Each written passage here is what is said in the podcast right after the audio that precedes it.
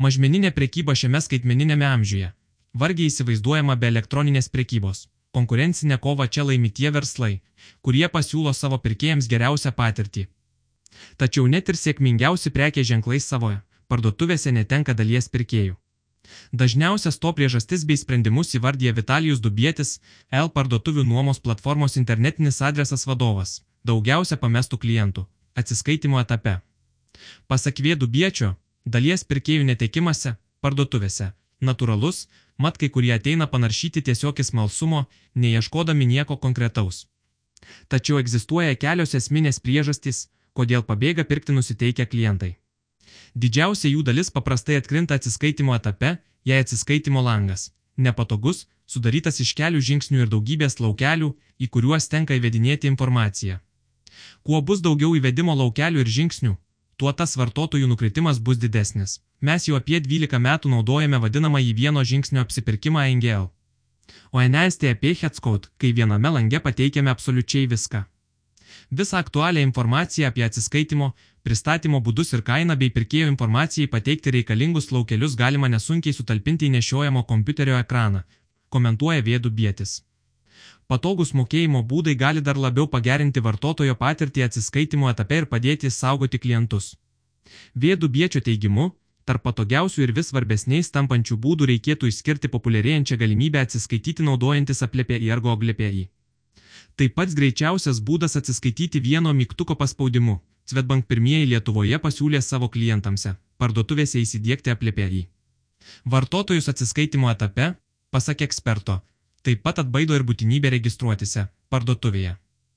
Pirkėjai nori kuo greičiau apsipirkti, o prekybininkai stengiasi juos kuo labiau prisirišti, turėti jų duomenis, nors registracija parduotuvėje priešingai nei kartais manoma nesuteikia jokios teisės siūsti naujienlaiškius ar kitaip asmeniniais kontaktais reklamuoti savo parduotuvės naujienas bei pasiūlymus.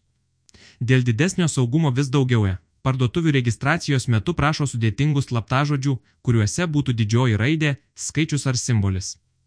Jei pirkėjas susiduria ir su būtinybė registruotis ir sukurti sudėtingą slaptažodį, o tai jam nepavyksta iš pirmo ar antro karto, jis tikrai gali išeiti iš parduotuvės. Tokiu atveju registracija palengvina galimybę prisijungti prie sistemos naudojantis savo Google ar Facebook paskirą. Pažymė internetinis adresas vadovas, ypatingas dėmesys perkantiems mobiliuosiuose. Kaip pastebi vėdų bėtis, netgi du trečdaliai pirkėjų šiandieną parduotuvės susuka savo mobiliuosiuose įrenginiuose. Taigi, parduotuvės dizainas ir vartotojo patirtis turi būti pritaikyta mobiliesiems.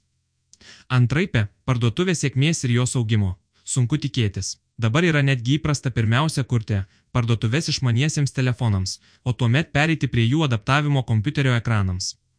Tiesa, nemaža dalis klientų iš įpročio pirmiausia įsigrynina parduotuvės dizaino ir išdėstymo niuansus kompiuterio ekrane, o tik tuomet galvoja apie adaptaciją mobiliesiems, sako Vėdų Bėtis.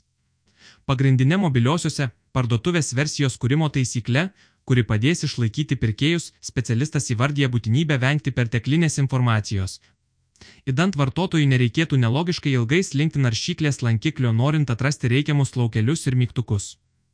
Taip pat, pasak eksperto, konkrečius norimus mygtukus vartotojui turi būti patogu pasiekti telefoną laikant viena ranka, mygtukai turi būti pakankamo dydžio ir patogiu atstumu vienas nuo kito, kad nepasispaustų neteisingai.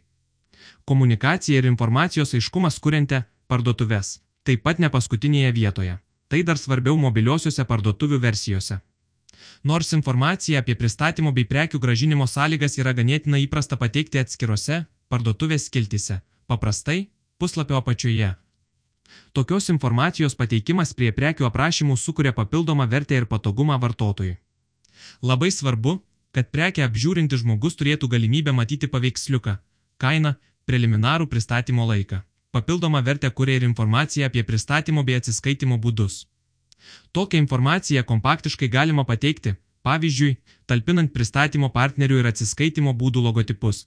Teigia Vėdų Bėtis. Kuo didesnė konkurencija, tuo svarbesnis dizainas. Pasak eksperto, prekybą internetu planuojantys prekybininkai dažnai domisi, koks yra skirtumas tarp parduotuvės dizaino šablono ir individualaus dizaino naudojimo.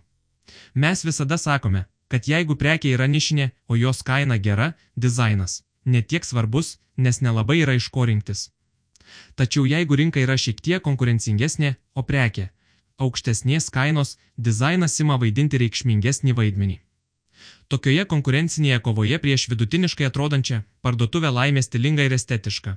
Klientas pajus, kad pardavėjui rūpi, kaip jis atrodo, o jeigu jam rūpi, kaip jis atrodo, jis labiau rūpinsis ir pirkėjų. Kalba vėdų bėtis tiems prekybininkams, kurie neturi finansų susikurti individualaus dizaino. Parduotuvės ekspertas rekomenduoja pasiūlyti galimybę klientui atsiskaityti gavus prekę. Kartai šabloniško dizaino parduotuvės, anuot vėdų biečio, pirkėjams sukuria nepatikimumo įspūdį, tačiau jei jie turi galimybę atsiskaityti gavę prekes. Jie nesijaučia rizikuojantis ir yra linkę tokiomis parduotuvėmis pasinaudoti. Tiesa, net ir pats dailiausias dizainas pirkėjo nedžiugins, jei parduotuvė veiks itin lietai. Ekspertas patarė pasirūpinti, kad te parduotuvės puslapių atvertimo greitis siektų iki sekundės, blogiausiu atveju - iki dviejų.